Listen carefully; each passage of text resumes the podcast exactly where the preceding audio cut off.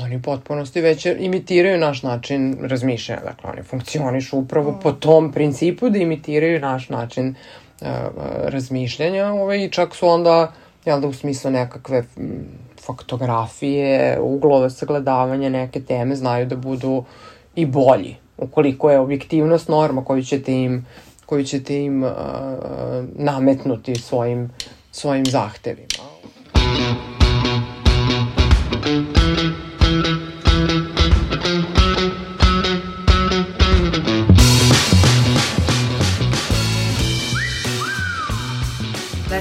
Inteligencija je aktualna tema poslednjih par meseci i možemo slobodno reći da je za to zahvalan ChatGPT.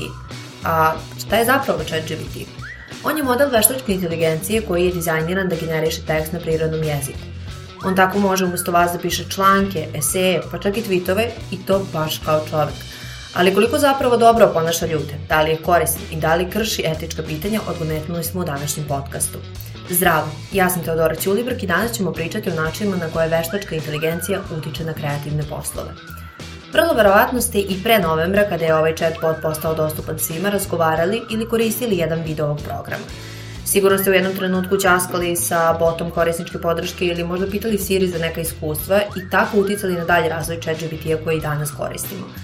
Danas, kako govori Miloš Lepotić, content i copywriter, način na koje koristimo ovaj chatbot su raznoliki. Jedni ljudi ga koriste umesto svog pretraživača, odnosno Google-a, gde ne znam ako imaju zadatak da napišu tekst na bilo koju temu, umesto toga da uđu i da odrade svoje istraživanje na, na Google-u, on ukuca, e, GPT kaže mi to i to, i onda to koriste kao da li konkretan izvor ili već sebi neku, neki putokaz za dalje istraživanje, znaš, pošto ChatGPT ima taj imate problem da daje dosta neproverenih informacija, tako da bilo bi dosta pametno i potrebno ovaj, da ako vam on izbaci neku konkretnu, jel te, nešto kao istinu, da vi to proverite da li je to zapravo tako. E, druga stvar, što je po meni dosta, dosta korisna, stvar je to da koristite chat GPT kao, da nazovemo ga editora, da on prođe kroz vaš tekst, ovaj tekst i da odredi da odredi njegov ton, da vidi kakve su vam, kakva vam je konstrukcija rečenica, da li je to možda previše komplikovano, da li je a, dovoljno jednostavno, da li ste možda previše koristili pasi, da li imate nekih gramatičkih ili slovnih grešaka i tako neke slične stvari. Tako da, da ta primjena mi se jako dopada. I treća primjena koja mi se uopšte ne dopada, koja je, nažalost, glavna, a to je korišćenje AI-a za generisanje sadržaja. Sad, da li je to da li je to blog post, da li je to nečiji seminarski rad, da li nešto sasvim treće, ovaj, to je sad postala jedna glavna, glavna primjena, iako to nikad nije bila zapravo ideja zašto ovaj ChatGPT i language learning AI treba da postoji. Međutim, Lepotić dodaje da ovakav sadržaj nije nužno kvalitetan i da na njemu još mora da se radi. Pa tako kada sledeći put budemo pisanje nekog sadržaja poverili upravo chat GPT-u, moramo dobro da proverimo da li je potrebno nešto da se ispravi opet oni koji znaju kako se zapravo koristi, a to je ono što smo rekli ranije, oni ljudi koji su beručke prihvatili taj AI kad je došao mnogo ranije nego što je ChatGPT stupio na scenu. Znaš, oni znaju da to što ti ja izbacio, to nije gotov sadržaj, znaš, da tu i dalje moraju, gomila stvari mora da se utegne, da se ispegla, da se prilagodi, šta ti ja znam. E sad, ono što mnogi ljudi, na primjer, koriste uh, kod GPT-a, jer, jer ti njega možeš ipak da usmeriš koliko je toliko, znaš. Ti manje kažeš njemu, e, ajde, piši mi da to bude malo konverzacijono da bude lepršava, da bude ovako, da bude onako, i što jeste dobro, nego da bude ono suvoparan tekst. Ali opet moramo imati u vidu da i drugi ljudi koriste tu istu stvar. Tako da bez obzira što to možda zvuči bolje nego od onog basic, basic uh, outputa koji bi ti chat GPT dao, to je i dalje opet ista stvar koju je uradilo još gomila gomila ljudi. Tako da, ako nastavi se tim trendom, kvalitet sadržaja će dramatično, dramatično da opadne. Pored samog kvaliteta koji plasira ChatGPT, upitan je i način na koji obrađuje podatke. Filip Volarić, asistent na Fakultetu tehničkih nauka, kaže da je sada najveći problem ovog programa to što ne može svakodnevno da se updateuje, pa nam u datom trenutku neće plasirati najnovije informacije koje su nam možda potrebne. Kao neko koga svakodnevno koristi, znači, stvarno mislim da ne prođe dan da ne ukucam nešto ChatGPT, Uh, u početku, kada ga pitate jednostavne stvari, čisto da vidite da li on će naravno s time da se izbori, jer je uh, treniran na ogromnoj količini podataka i to je nešto što korisnik jednostavno može sam da nađe na, na Google. To nije ništa sada revolucionarno i to je jedan od razloga zašto ChatGPT ne može da, kažemo, u potpunosti zameni, zameni neku, neku osobu u bilo kojem poslu. Zato što jednostavno nema ništa kreativno u tome. Znači, vi da, njemu možete reći, napiši mi tekst u Šekspirovom stilu o nekoj naučnom istraživanju. Ali, broj jedan, koliko je to korisno, broj dva, on ne može jednostavno da zna nešto unapred, jel tako? Znači, on ne može da piše o dešavanjima koja se dešavaju trenutno, što je, jel tako, najbitnije, ne može, neće moći barem trenutno, da se updateuje, da kažemo, iz dana u dan, da radi sa najnovijim vrstama tehnologija i, naravno, ono što je najpopularnije jeste što on radi zapravo sa javno dostupnim podacima. Tako da, ako se neke firme bave, imaju neki specifičan tech stack, imaju um, svoj softver koji koriste i svoj softver koji razvijaju pomoću istog tog, onda u tom slučaju ChatGPT ne može uh, ni najmanje da pomogne osobi, ali, kao što sam rekao, u svakodnevnom poslu, u naj, da kažemo, basic stvarima, uh, ChatGPT može da, da vam ubrza posao mnogo. Tako da, iako on možda može da smanji broj potrebnih ljudi da se jedan posao realizuje, ne može nikako u potpunosti da zameni. Ceo tim, a vrlo teško i pojedinca. Svedoci smo da tehnologija napreduje iz dana u dan i čini se da je taj razvoj nezaustavljiv. Volarić smatra da će ovaj chatbot tek doživeti svoj pun sjaj kada ga svojim korišćenjem obogatimo informacijama. Pa da kažemo da će ostati na nivou na kome trenutno sumnjam, jer uh, ne znam sad koliko je ovo opšte poznata činjenica, ali ChatGPT ovo nije prva verzija tog modela, već to je neki model uh, prirodnog jezika koji se razvija, da kažemo, nekih šest godina unazad i jednostavno razlog zašto je sada toliko popularan jeste zato što je sada bolji nego ikad. I da će nastaviti da se razvija, hoće sigurno. Uh, jer broj jedan potražnje u OpenAI su neverovatno velike, uh, broj ljudi koji radi i nemaju oni sad baš toliko puno raznovrsnih projekata i normalno njima je u cilju da povećaju taj sistem da bude što dostupniji, što skalabilniji i eventualno što bolji. Jel tako? Znači, ako pogledamo da je on treniran, da kažemo, zaključno sa nekim podacima iz 2021. Što više podataka njemu hranite, on će biti sve bolji i bolji. U anketi koju smo sproveli čini se da među mlađim populacijom nema straha od novih tehničkih otkrića. Većina smatra da nam novi programi ne mogu puno naškoditi u skorijoj budućnosti kada je reč o kreativnim poslovima. Mislim da mm, ne postoji taj uvid u ljudsku psihu i svest, tako da ne verujem da će nešto da promeni tu na gore. E, pa mislim da neće, jer e, prosto ništa ne može zamijeniti to ljudsku kreativnost i iskreno i ne bojim se da će doći do tog momenta. Pa smatram da kvalitet tog sadržaja nije na zavidnom nivou i da bi e, ljudi mogli to mnogo bolje da, da završavaju te stvari jer to su e, chat GPT koristi neke podatke koji su već opšte poznati ljudima i to su neke stvari koje se iznova ponavljaju, a ljudi i uz pomoć svojih kontakata, mašte uh, i nekih drugih stvari mogu na bolji način to da završi. Uh, mislim da veštačka inteligencija nikad neće moći uh, da zameni ljudi, ljudski talenat i uh, jednostavno ne bojim se da će uopšte doći do te mere gde će ona moći da replicira bilo šta u vezi kreativnosti. A ne znam baš da li će, mo moći će da zameni, ja mislim, neki deo kreativne industrije, kao na primjer u filmu što su pojavili specijalni efekti, što su u principu nove tehnologije u filmu koje se danas koriste i ti filmovi sa specijalnim efektima i dobijaju nagrade i Oscar i tako dalje, ali postoje ljudi koji se protive tim i smatruju da to nešto nije baš pravi film. Tako isto, na primjer, može da se, ako nekad zameni u te tekstove, da postoje ljudi koji će rasno ograničiti, na primjer, ovaj tekst koristi, e, nove tehnologije ovaj ne koristi onda možda tu postane neka, nastane neka podela. Ali kada je reč o web kontentu, nekako se čini da su mladi pisci poplašeni više nego ikad da se odvaže i započnu svoju karijeru na ovom polju. Lepotić sam objašnjava da sama hiperprodukcija dodatno šteti mladim piscima i da je glavni motiv ušteda novca ukoliko je to moguće. E pa mnogi su poplašeni trenutno što se tiče budućnosti u ovom poslu, pogotovo oni koji su tek počeli ili koji se još možda nisu dovoljno razvili, nisu izgradili svoj portfolio, jer prosto ako postoji tamo neka alatka koja može da uradi posao koji vi radite dva sata i koji će nekog da košta 50 ili 100 ili 200 dolara, a ta alatka to može da uradi za svega nekoliko minuta i ne košta tamo nekog ništa, mogu da razumem zašto su, zašto su mnogo ljudi poplašeni. Sad, kako će to zapravo i dalje uticati, ne možemo da znamo. Ja ne vidim da će imati neki preveliki, preveliki uticaj na već ostvarene, već ostvarene što autore, što, što piste, što copywritere.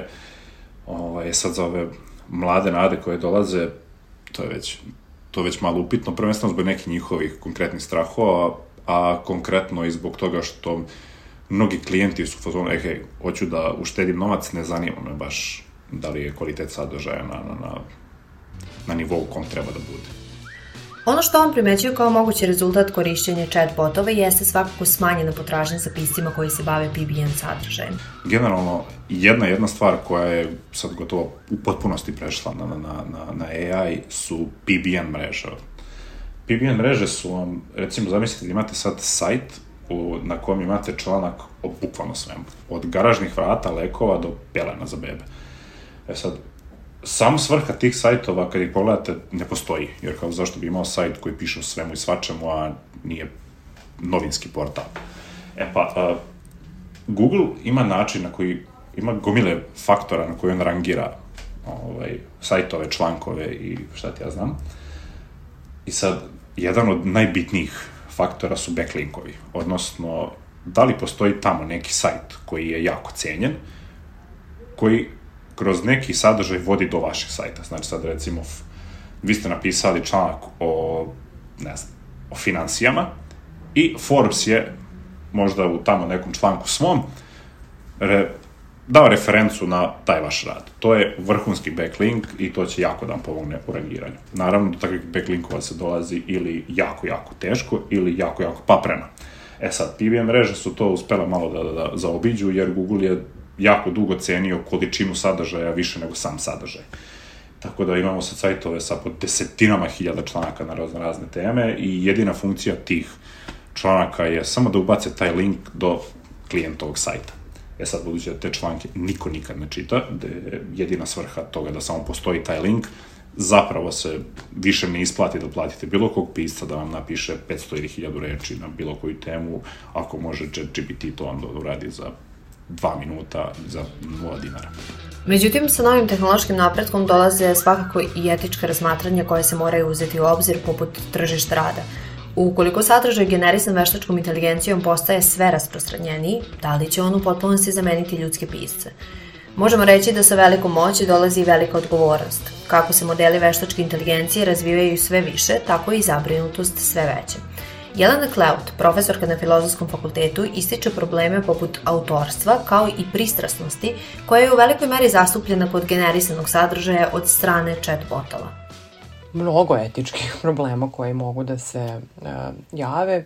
Uh, jedan od prvih jesu baze na koje se sama veštačka inteligencija uh, oslanja. Dakle, mašinsko učenje radi sa uh, setovima podataka koji su već dostupni. Ono što znamo iz nekih prethodnih uh, softverskih uh, rešenja koje su koristila dostupne baze jeste da oni znaju da neguju pristrasnost koju vi možete da pronađete generalno na sadržajima na mreži. Dakle, ovaj, to, je, to je prvi, čini mi se danas, jedan od najvećih i najaktuelnijih etičkih problema.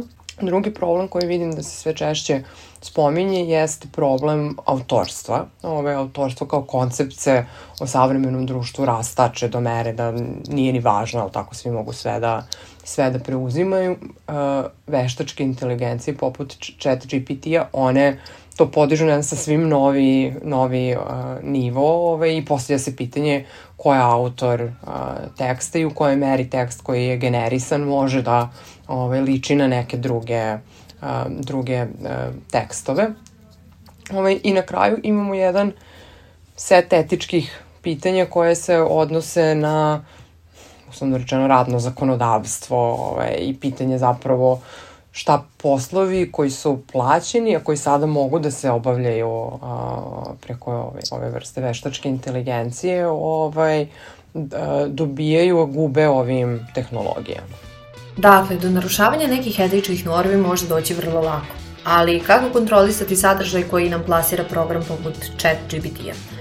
Volarić ističe da bi ovaj program zapravo mogao da zameni Google na bolji način i da sama zloupotreba zavisi od ljudi, ali ne i mašina uopšte nemam tu ovaj, tako reći, etičku stranu, jer kao što sam rekao, ako se postavimo u poziciju uh, da to može samo da mi pomogne, a de, ne da mi odmogne, zašto bih ja sedeo, razbijao glavu 5 sati ako on može da mi odgovori na nešto u 5 minuta. Ako on ne može, ok, onda ću razbijati glavu 5 sati. Ali ako može, zašto bih to radio? Posebno zato što su odgovori chat GPT-a uh, obično vrlo koncizni, tako da neke osnovne informacije možete da zaključite vrlo brzo.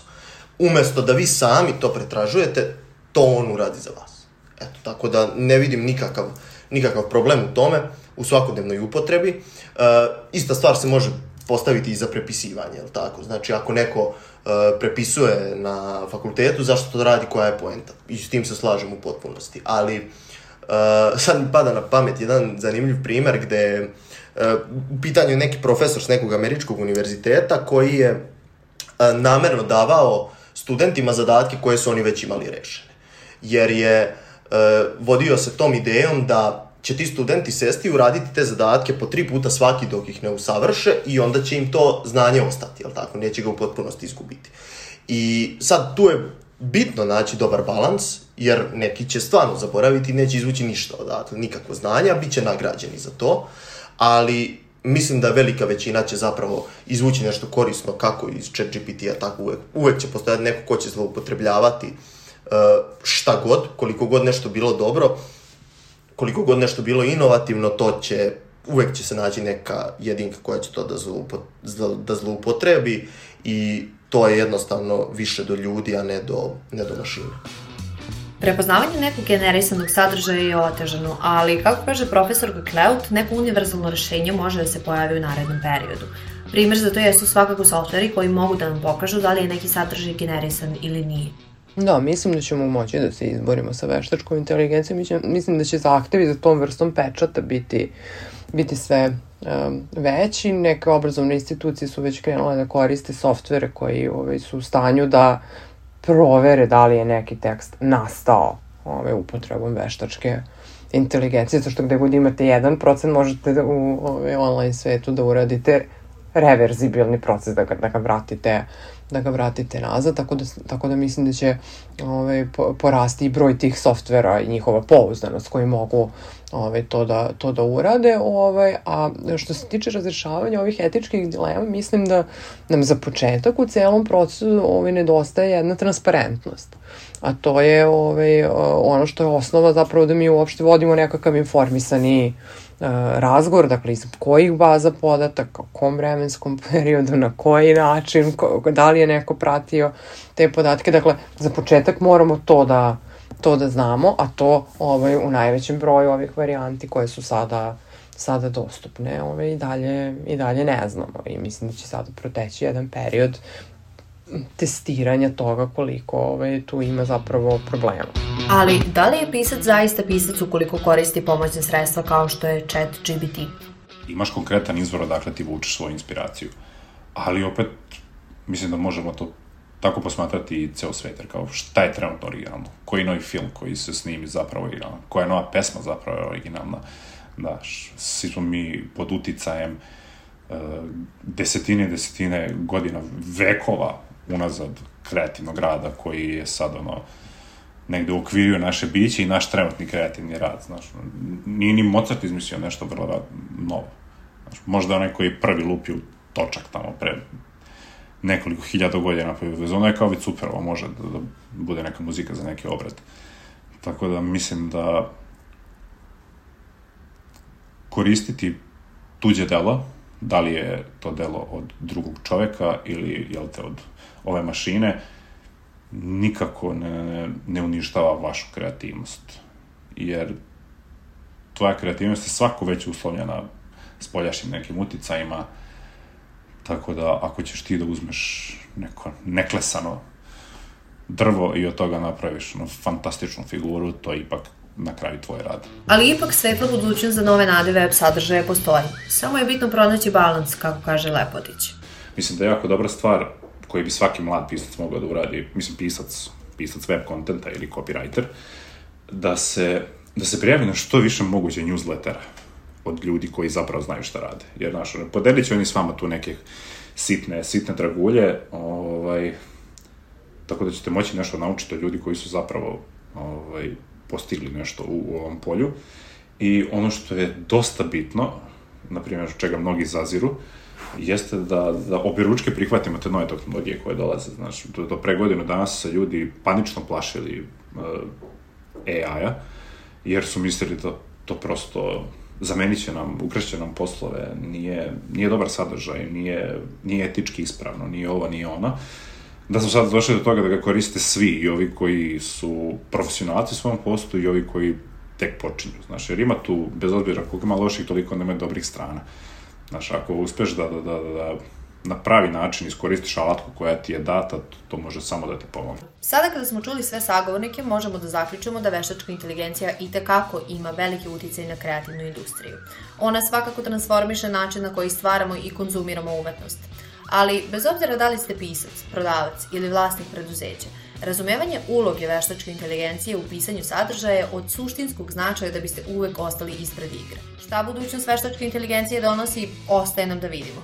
I ko zna, možda ćemo jednog dana imati AI modela koji će biti domaćin ovog podcasta.